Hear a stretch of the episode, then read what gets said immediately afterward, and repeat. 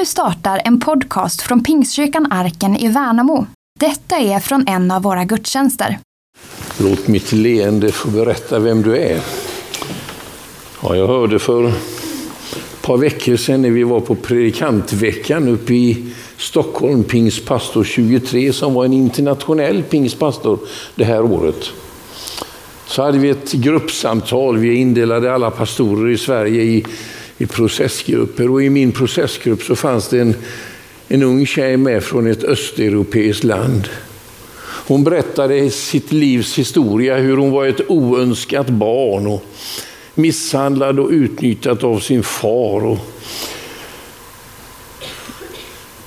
kände att hon var inte mycket värd. Och um, levde delar av sitt liv på gatan där det var lugnare än hemma. Så en dag när hon är där, lever på gatan, bor på gatan, så kommer några ungdomar förbi som just log åt henne. Så hon tittade på sig och undrade om det var någonting, hennes klädsel som var fin, fel. För hon hade aldrig upplevt att någon hade lett mot henne tidigare. Hon följde efter dem där och det visade sig, det var en evangelisationsgrupp ifrån Pingstkyrkan i stan där. Och så fick hon möta dem. Och så fick hon höra, att du är älskad för att du är en avbild av Gud. Och så tog hon emot Jesus i sitt liv. Och idag så var hon pastor i den lilla församlingen. Ett leende var det som förändrade hennes liv.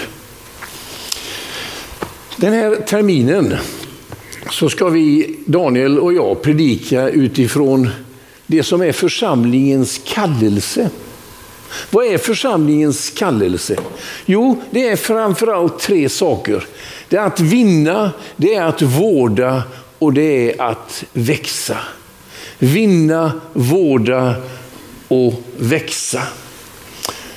Och alla de där tre delarna de är intimt förknippade med varandra.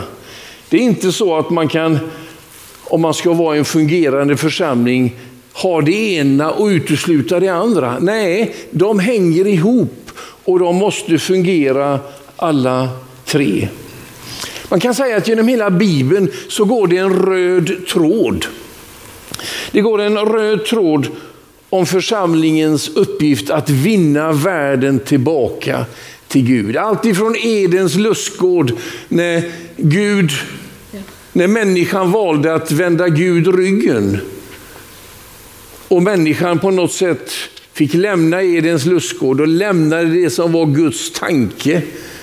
Så har Gud sökt människan och fortsätter att göra det och kallar sin församling att vara med och vinna världen tillbaka till Gud. Profeten Jeremia han levde ju i Juda. Ni vet Israel delas ju upp i två delar. Juda och Israel. Och han var verksam i den juda, i judadelen då. Både före och under det som var den babyloniska fångenskapen. Och han skriver så här om det som är att leva som främling i ett annat land. Och vi kan ju säga att vi är ju främlingar här på jorden. Vi har vårt hem i himlen, men vi är placerade här. Vi finns här, vi finns i Värnamo. En del av dem de fanns i Babylon i fångenskap. Och han säger till dem, sök den stats bästa dit jag för, dit jag för ert, fört er i fångenskap och be för den till Herren. När det går väl för den går det väl också för er. Vi har ju bett för Värnamo under en ganska lång tid och vi har sagt att vi vill fortsätta med det. Men vi vill inte bara be för Värnamo. Vi vill att församlingen ska vara en kraft in i den här stan, till den här stans bästa. Det finns människor som behöver uppleva Jesus och det finns människor i nöd som behöver hjälp. Vi behövs för den här staden. Församlingen har också en uppgift att, att vårda. Omsorgen, Jesus hade den. Och Jesus det står om honom att när han såg folkskarorna förbarmade han sig över dem eftersom de var rivna och slagna som får utan hed. Omsorgen i församlingen handlar naturligtvis att ta hand om Guds jord, det som är Guds församling.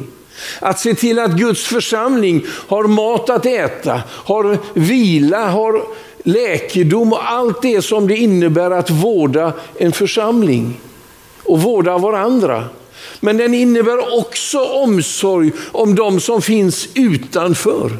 Han såg på dem och de var som får, rivna, slagna, som får utan en herde. Omsorgen den sträcker sig längre. Den sträcker sig längre än bara församlingen. Det handlar om hela samhället. Men så har vi också en uppgift om att växa. Att växa, det är en kallelse ifrån Gud. Det står så här, Jesus sa, med Guds rike är det som när en man fått utsäde i jorden. Han sover och stiger upp, dagar och nätter går och säden gror och växer och han vet inte hur. Av sig själv bär jorden gröda. Först strå, så ax, så moget vete i axet. Men när grödan är mogen låter han skäran gå, för skördetiden är inne. Att växa, det är alltså något helt naturligt och det är en kallelse ifrån Gud. Idag skulle jag vilja börja med den sista av de här tre ämnena, att växa. Jag skulle vilja tala lite om bibliska principer för att få en Guds församling att växa. Och nu tror du väl att jag står här och har alla svaren. Nej, det har jag inte. Men jag vill ändå peka lite på vad Bibeln säger om församlingen och församlingens växande. Jesus han säger så här, ni har inte utvalt mig, utan jag har utvalt er och bestämt om er att gå ut och bära frukt. Och er frukt ska bestå. Då ska Fadern ge er vad ni än ber honom om i mitt namn. Ifrån Johannes 15. Jag har bestämt om er, sa Jesus, att ni ska gå ut och bära frukt. Det var liksom ingen önskan i största allmänhet, utan det var en klar indikation. Jag har bestämt om er. Gå ut. På ett annat ställe säger Jesus, gå ut och gör alla folk till lärjungar. Och ordet han använder, gå ut, är från en militär term där det är en order. Du är ett Guds barn, vi är en Guds församling, där placerade här i Värnamo med en tanke. Att vi ska vara ett ljus för Värnamo, att vi ska vara en kraft till förändring för Värnamo. Att vi ska vara en positiv kraft in mitt i ett mörker. Ni har inte utvalt mig, jag har utvalt er. Så tillväxt, det är något helt naturligt. Ni vet, när Gud skapade himmel och jord, han sa och det vart. Han sa var det ljus och det vart ljus. Han sa frambringe grönska och det börjar gro. Och på den sista dagen av skapelsen, eller den näst sista, den sista dagen vilade han på, men på den sjätte dagen så skapade han människan som kronan på verket. Och han skapade henne till man och till kvinna och så säger han så här, var fruktsamma och föröka er. Och uppfyll jorden. Det var liksom inbakat i naturen. En förökning. Vi skulle bli fler och fler. Det där gäller också i det andliga livet. Precis samma uppmaning ger Jesus dig och mig när det gäller vårt andliga liv och församlingen och Guds rike. Uppfyll jorden. Föröka er, var fruktsamma, bär frukt. Jag har bestämt om er att ni ska gå ut och bära frukt, frukt som blir bestående. Tillväxten har Gud lagt ner i vårt allra, allra innersta. När du lyssnar till Jesus och vad han säger om tillväxt i Guds rike så är det intressant att se att det handlar alltid om människor. Det handlar aldrig om byggnader eller organisationer eller principer. Det handlar om människor. Så här säger han i Matteus 28 i det som vi kallar för missionsbefallningen. Han säger det till människor och han säger det om människor. Åt mig har gett all makt i himmel och på jorden. Så säger han till människorna, till sina lärjungar, gå därför ut och gör alla folk till lärjungar. Döp dem i Faderns och Sonens och den helige Andes namn och lär dem att hålla alla de bud jag har gett er. Och jag är med er alla dagar in till tidens slut. Alltid när Gud talar om tillväxten så fokuserar han på människan. Vi kan många gånger i vår tanke och vitt arbete låta oss upptas med en helt annan massa andra saker. I och för sig viktiga saker. Men vi får aldrig låta det som är viktigast stå tillbaka för det som är viktigt. Det kan vara viktigt vilka byggnader vi har. Det kan vara viktigt vilka strukturer vi har. Det kan vara viktigt vilka sånger vi sjunger och hur vi sjunger.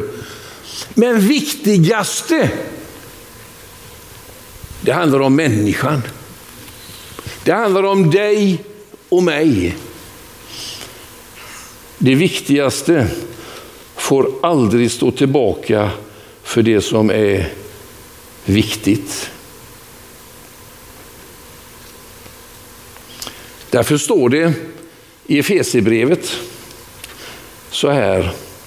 De ska göra de heliga mer fullkomliga och därigenom utföra sin tjänst och bygga upp Kristi kropp tills vi alla kommer fram till enheten i tron och kunskapen om Guds son, blir fullvuxna och når en mognad som svarar mot Kristi fullhet.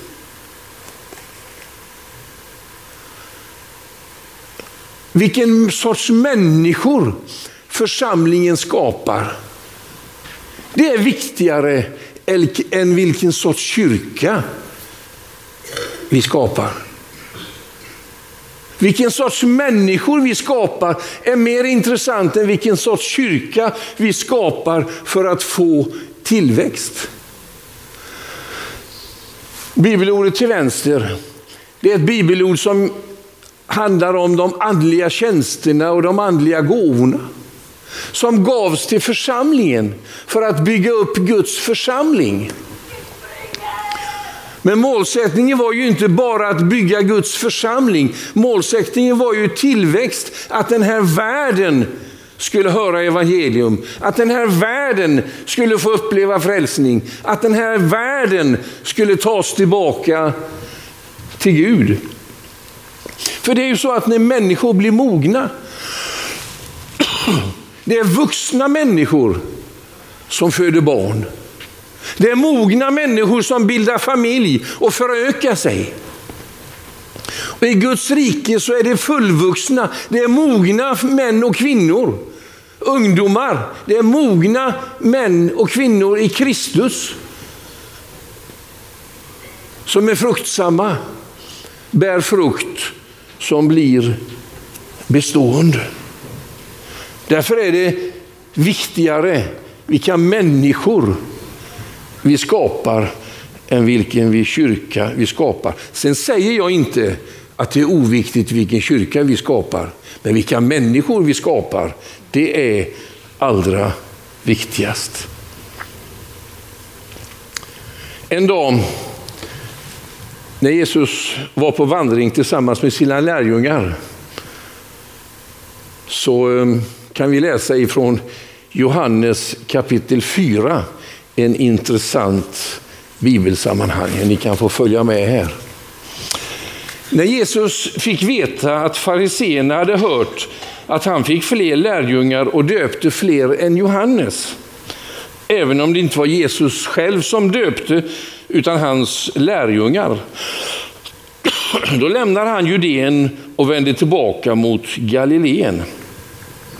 Han måste då ta vägen genom Samarien och han kom till en samarisk stad som heter Sykar, nära den mark som Jakob gav till sin son Josef.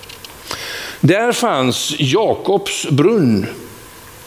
Jesus, som var trött efter vandringen, satte sig där vid brunnen och det var omkring sjätte timmen. Då kom en samarisk kvinna för att hämta vatten. Jesus sa till henne, ge mig lite att dricka. Hans lärjungar hade gått bort till staden för att köpa mat.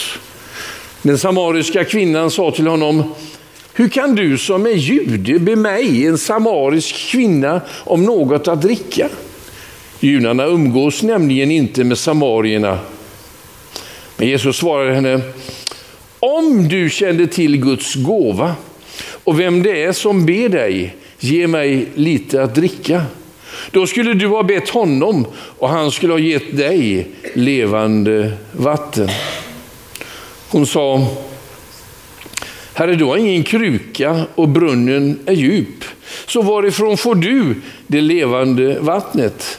Är du större än vår fader Jakob? Han gav oss brunnen och drack själv ur den, hans söner och hans boskap. Jesus svarade, den som dricker av det här vattnet blir törstig igen. Men den som dricker av det vatten jag ger honom ska aldrig törsta, ska aldrig någonsin törsta. Det vatten jag ger blir i honom blir en källa i honom med vatten som flödar fram till evigt liv. Kvinnan sa till honom, Herre, ge mig det vattnet så att jag slipper bli törstig och gå hit och hämta vatten. Han sa, gå och hämta din man och kom hit. Kvinnan svarade, jag har ingen man. Jesus sa, det stämmer som du säger att du inte har någon man. Fem män har du haft och den du nu har är inte din man. Så det du säger är sant. Kvinnan sa, Herre, jag förstår att du är en profet. Vår fader har tillbett på det här berget, men ni säger att platsen där man ska tillbe finns i Jerusalem. Jesus svarade, tro mig kvinna. Det kommer en tid när det varken är på det här berget eller i Jerusalem som ni ska tillbe Fadern.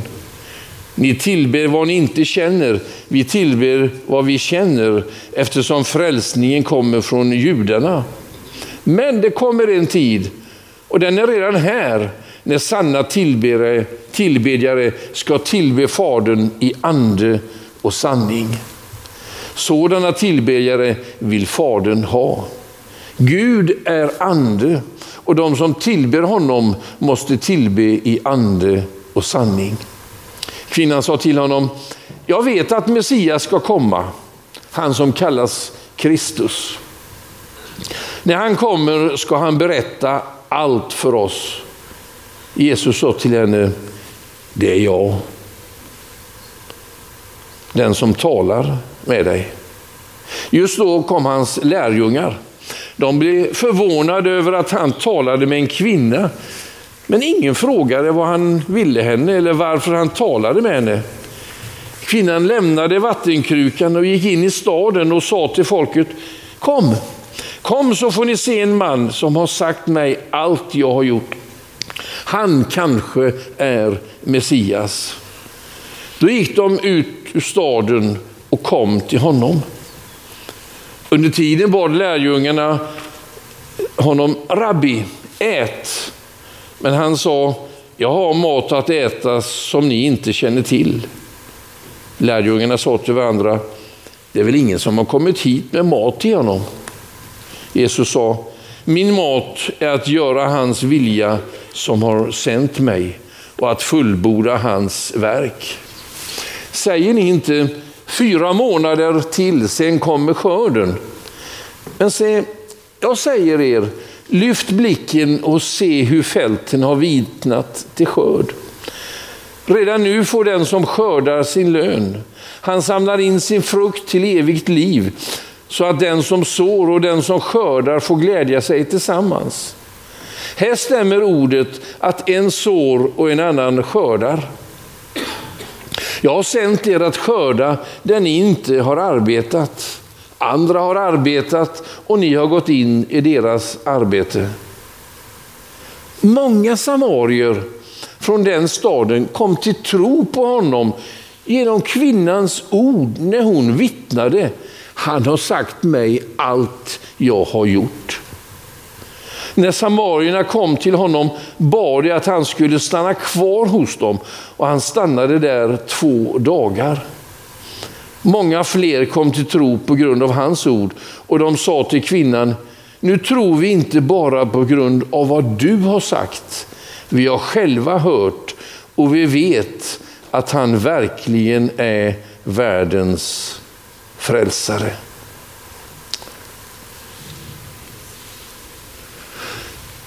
En kvinna som gör det där gudsmötet som blir totalt förvandlat.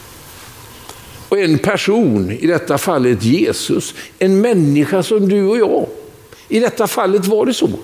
Han lämnade ju nämligen sin gudomlighet och föddes hit för att bli en människa som du och jag.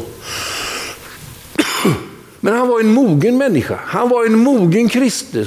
Han var, det står om honom att han växte till i anden, i sin vishet. Han växte till inför Gud. Och så möter han den här kvinnan. Och han möter henne på ett fantastiskt sätt. Han är rak. Väldigt rak. Men han dömer inte. Han är tydlig. Men han dömer inte. Kvinnan, hon får bara klart för sig, han kanske är Messias. Han sa, det är jag, jag är, det som är Guds namnet jag är. Men det var det gudsmötet som skapade tillväxten. Och gudsmötet, ja, det var en mogen människa i Gud som ledde fram till det. Det var Jesus själv som ledde kvinnan till det mötet med sin skapare. Du och jag, vi är kallade att precis som Jesus ta människor i den situation de lever och är. Inte att slå dem i huvudet med bibelordet, men att vara tydlig. vara rak, vara ärlig, inte dömande, men fylld av kärlek. Och så föra dem i samtalet till mötet med himlens Gud. Och då är det som det stod tidigare här om mannen som sådde. Det förökas. Här var det en kvinna som Jesus mötte. En kvinna som fick ett möte med sin skapare, med himlens Gud. Men det ledde till att många i den staden tog emot kvinnan, eller tog emot Jesus och Gud för den kvinnans ords skull. Ett gudsmöte resulterar ofta i att det blir ringa på vattnet och det blir fler människor som får möta Gud.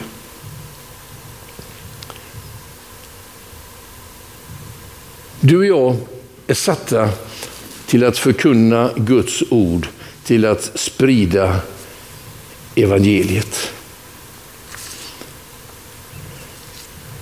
Återigen, förvandlade människor är viktigare än en förändrad kyrka. När Jesus en dag, en annan dag var på vandring så kommer han till Jeriko. Och han möter Sackaios. Nej, förlåt mig, Matteus. Han möter Matteus, den som en sedan skulle bli hans lärjunge. När Jesus sedan var gäst i Matteus hem kom många tullindrivare och syndare och låg till bords tillsammans med Jesus och hans lärjungar. Fariséerna fick se det och frågade hans lärjungar varför äter er mästare med tullindrivare och syndare? Jesus hörde det och sa, det är inte de friska som behöver läkare utan de sjuka. Gå och lär er vad detta betyder. Jag vill se barmhärtighet och inte offer. Jag har inte kommit för att kalla rättfärdiga utanför syndare. Det betyder att förvandlade människor i vår församling, du och jag, är viktigare än en förvandlad kyrka. Vi kan byta matta, vi kan snygga till och vi kan göra det fint. Det är jätteviktigt. Men hur du och jag lever, hur du och jag är där Gud har ställt oss, det är viktigare. När Jesus låg till bords hemma hos Matteus så kom det var som han var en magnet. Och där kom tullindrivarna som var marginaliserade i samhället. Dit kom de prostituerade, det kom de misslyckade, det kom alla de som behövde. De älskade Jesus. Fariseerna, de hade åsikter. Varför i all ligger han tillsammans, till bords tillsammans med tullindrivare och massa annat löst folk? Jag har kommit för de sjuka, inte för de friska. Och den du och den dag du och jag och församlingen, kyrkan, blir den magneten av kärlek, av omsorg, av generositet, av värme som Jesus hade, som gjorde att människor drogs till honom. Då blir tillväxten en naturlig följd. Därför är förvandlade människor som har hjärtan som brinner, där värmen sprider sig längre än till kyrkbänken, utan utanför kyrkans väggar. I vardagen, bland klasskamrater, bland arbetskamrater, i familjen. När vi inte längre kan hålla tyst med det vi har sagt eller det vi har upplevt. Då blir tillväxten i Guds församling. Och då blir den helt naturlig. Det viktigaste är människorna som fyller kyrkan. Att den är fylld av människor som skapar en atmosfär av kärlek, värme, glädje och trygghet. Och hur blir vi sådana? Hur blir vi sådana som Jesus som är som en, var som en magnet för människor som var illa medfarna, likta får utan en herde. Hur blir vi lika Jesus? Jesus själv, han ger receptet i Johannes 15. Han säger så här, förbli i mig så förblir jag i er. Liksom grenen inte kan bära frukt av sig själv, utan endast om den förblir i vinstocken, så kan inte heller ni det, om ni inte förblir i mig. Jag är vinstocken och ni är grenarna. Om någon förblir i mig och jag i honom, bär han rik frukt. Ty utan mig kan ni ingenting göra. Vi är grenarna på vinstocken, säger Jesus. Hugg av grenen och lägg den för sig själv och den kommer aldrig att bära frukt. Men låt den sitta vid stammen. Låt den sitta vid vinstocken och uppleva både värme och vatten årstiderna så kommer den att bära frukt. Och så är det med er också, sa Jesus. Om ni förblir i mig, då bär ni frukt. Vad är det han egentligen säger? Förbli i honom. Hur förblir jag honom? Var hittar jag honom? Det handlar väldigt mycket om den här boken. Det handlar väldigt mycket om gemenskapen med Jesus. De första kristna i Jerusalem, om dem står det att eh, de höll sig till ordet, till det som var apostlarnas undervisning, det de fick när de träffade apostlarna och församlingens ledare. De var aktiva i bönen, både enskilt hemma i sin kammare och tillsammans när de möttes. De firade nattvard tillsammans, inte bara som en vacker tradition, utan som en andlig verklighet. En påminnelse om att Jesus har dött för mig. I hans sår är vi helade och han har frälst mig ifrån mina synder. Och så höll man sig till gemenskapen med andra troende. Ordet, bönen, brödsbrytelsen och gemenskapen. Det var fyra beståndsdelar som de inte klarade sig utan. Men vilken tillväxt det gav. På några år så nådde evangelium ut till hela den dåvarande kända världen. Och överallt växte Guds rike. Och det växte med en enorm kraft. För de förblev i Kristus. Även om inte han längre var hos dem, även om han inte var synlig, så levde de sitt liv där tillsammans i Guds församling, i att man firade nattvard, påminde varandra, uppmuntrade varandra i kärlek. Och så levde man i bön. Bönemötet var inte det minsta mötet, utan det viktigaste. Och så var ordet viktigt, för det var här man mötte honom själv. För där, när du är kvar i Jesus, när du förblir i Jesus, när du möter honom i ordet, när du möter honom i bönen, när du möter honom tillsammans med en broder eller syster i församlingen. Där nära Jesus, där hör du vad Jesu hjärta klappar för. Och så börjar ditt klapp, hjärta klappa för det Jesus klappar för. Gå ut och gör alla folk till mina lärjungar. På Azusa Street i Los Angeles i början på 1900-talet så möttes ju en bönegrupp. Jag har talat om det förut någon gång här. De möttes till bön och till längtan över att få, att få uppleva den helige ande. De läste om den helige ande, de läste apostlärningarna, de läste apostlärningarna 2, 3, 4, 5 och de såg vilken kraft den helige ande var in i apostlarnas liv, in i den första församlingens liv. Och de sa det kan inte bara vara för dem, det måste vara för oss. Och Gud, fyll oss med helig ande. Och man bad och man läste och man bad och man läste. Plötsligt så var det som om de var tillbaka i Apostlagärningarna 2. Anden föll över dem. De blev uppfyllda av helig ande. De började tala i tungor och profetera. Precis som man gjorde i Apostlagärningarna 2. Och det var det som var starten på den nya karismatiska väckelsen där vi är en del och som är den största och snabbast växande rörelsen i världen idag.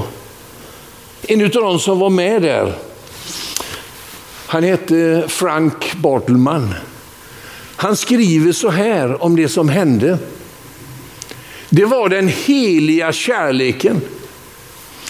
Vi älskade inte bara varandra i den här bönegruppen, i den här lilla församlingsenheten, utan vi älskade alla människor. Oberoende av hudfärg, nationalitet eller trosbekännelse.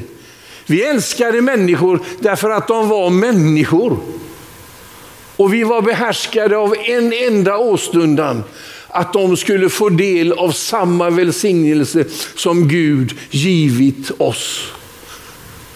Och så blev det faktum att de fylldes av helig ande. Det som var tillsammans med de fyra ledorden, ordet, bönen, brödsbrytelsen och gemenskapen, kraften att en ny väckelse startade som kom att nå hela jorden. Du och jag, vi behöver få uppleva den helige ande ännu mer. Du har ett par val att göra. Så sista bilden kommer här. Det står så här i Romarbrevet 12. Anpassa er inte efter den här världen. Utan låt er förvandlas genom förnyelse av er sinne. Så att ni kan pröva vad som är Guds vilja. Det som är gott, fullkomligt och behagar honom. Vi vet vad det är som är gott, fullkomligt och behagar honom när vi lever där nära Jesus och hör vår, hans hjärta, känner hans puls för de förlorade, för de lidande, för de som var rivna, slagna som får utan någon heder. Men vad sa Paulus? Jo, han sa anpassa er inte. Anpassa er inte. Det är viktigare att jag vet vad Gud vill. Det är viktigare att jag på något sätt lever nära Jesus än att mitt liv är politiskt korrekt. Det är viktigare att jag vet och lever det Jesus vill. Än att på något sätt jantelagen får styra mig. Där jag inte ska sticka ut på något sätt. Anpassa inte den här världen. Låt inte den här världens värderingar, låt inte den här världens prioriteringar var era värderingar och prioriteringar. Utan låt er förvandlas. Och så står det låt er förvandlas. Jag måste alltså välja att förvandlas. Det är ett aktivt val hos mig. Gud, låt mig få möta dig. Gud, fyll mig med helig ande. Gud, låt mig få gå dina vägar. Det kanske inte är de enklaste vägarna, men är det din väg så låt mig göra det. Låt mig förvandlas. Låt mig förvandlas. Jag brukar säga det är som att komma hem efter en svettig tennismatch. Så kan duschen vara där med underbart renande vatten. Men det hjälper mig inte ett dugg. Så länge jag inte går in och ställer mig i duschen. Jag måste aktivt låta mig förvandlas. Jag måste säga till Gud, här är jag. Använd mig. Här är jag. Helga mig. Här är jag. Fyll mig. Här är jag. Sänd mig. Jag låter mig förvandlas. Gud vill tillväxt. Tillväxten kommer av förvandlade människor i Guds församling. Församlingen är den metod Gud har valt att breda ut evangelium. Och församlingen, det är du och jag. Vi anpassar oss inte, men vi låter oss förvandlas. Jesus, Herre, vi längtar efter tillväxt, Herre. Herre, vi längtar efter tillväxt, inte bara för att församlingen ska få ett högre medlemsantal, utan för att ditt rike ska växa. Herre, vi vill ha tillväxt i våra liv. Vi vill ha tillväxt i vår tro, i vår kärlek, i våra uppgifter, i vår kallelse. Men Herre, vi vet att när vi upplever det, när vi är där nära ditt hjärta, så kommer det att ge tillväxt i antal människor som söker dig. Och herre, nu ber jag för oss var och en att vi ska låta oss förvandlas. Herre, att vi ska vägra den här världens prioriteringar och värderingar. Men vi ska låta oss förvandlas till din likhet. Allt för att ditt rike ska växa. Amen. Du har lyssnat till en predikan från Pingstkyrkan Arken i Värnamo. För att komma i kontakt med oss och se vad som händer i vår kyrka kan du gå in på arkenvmo.se.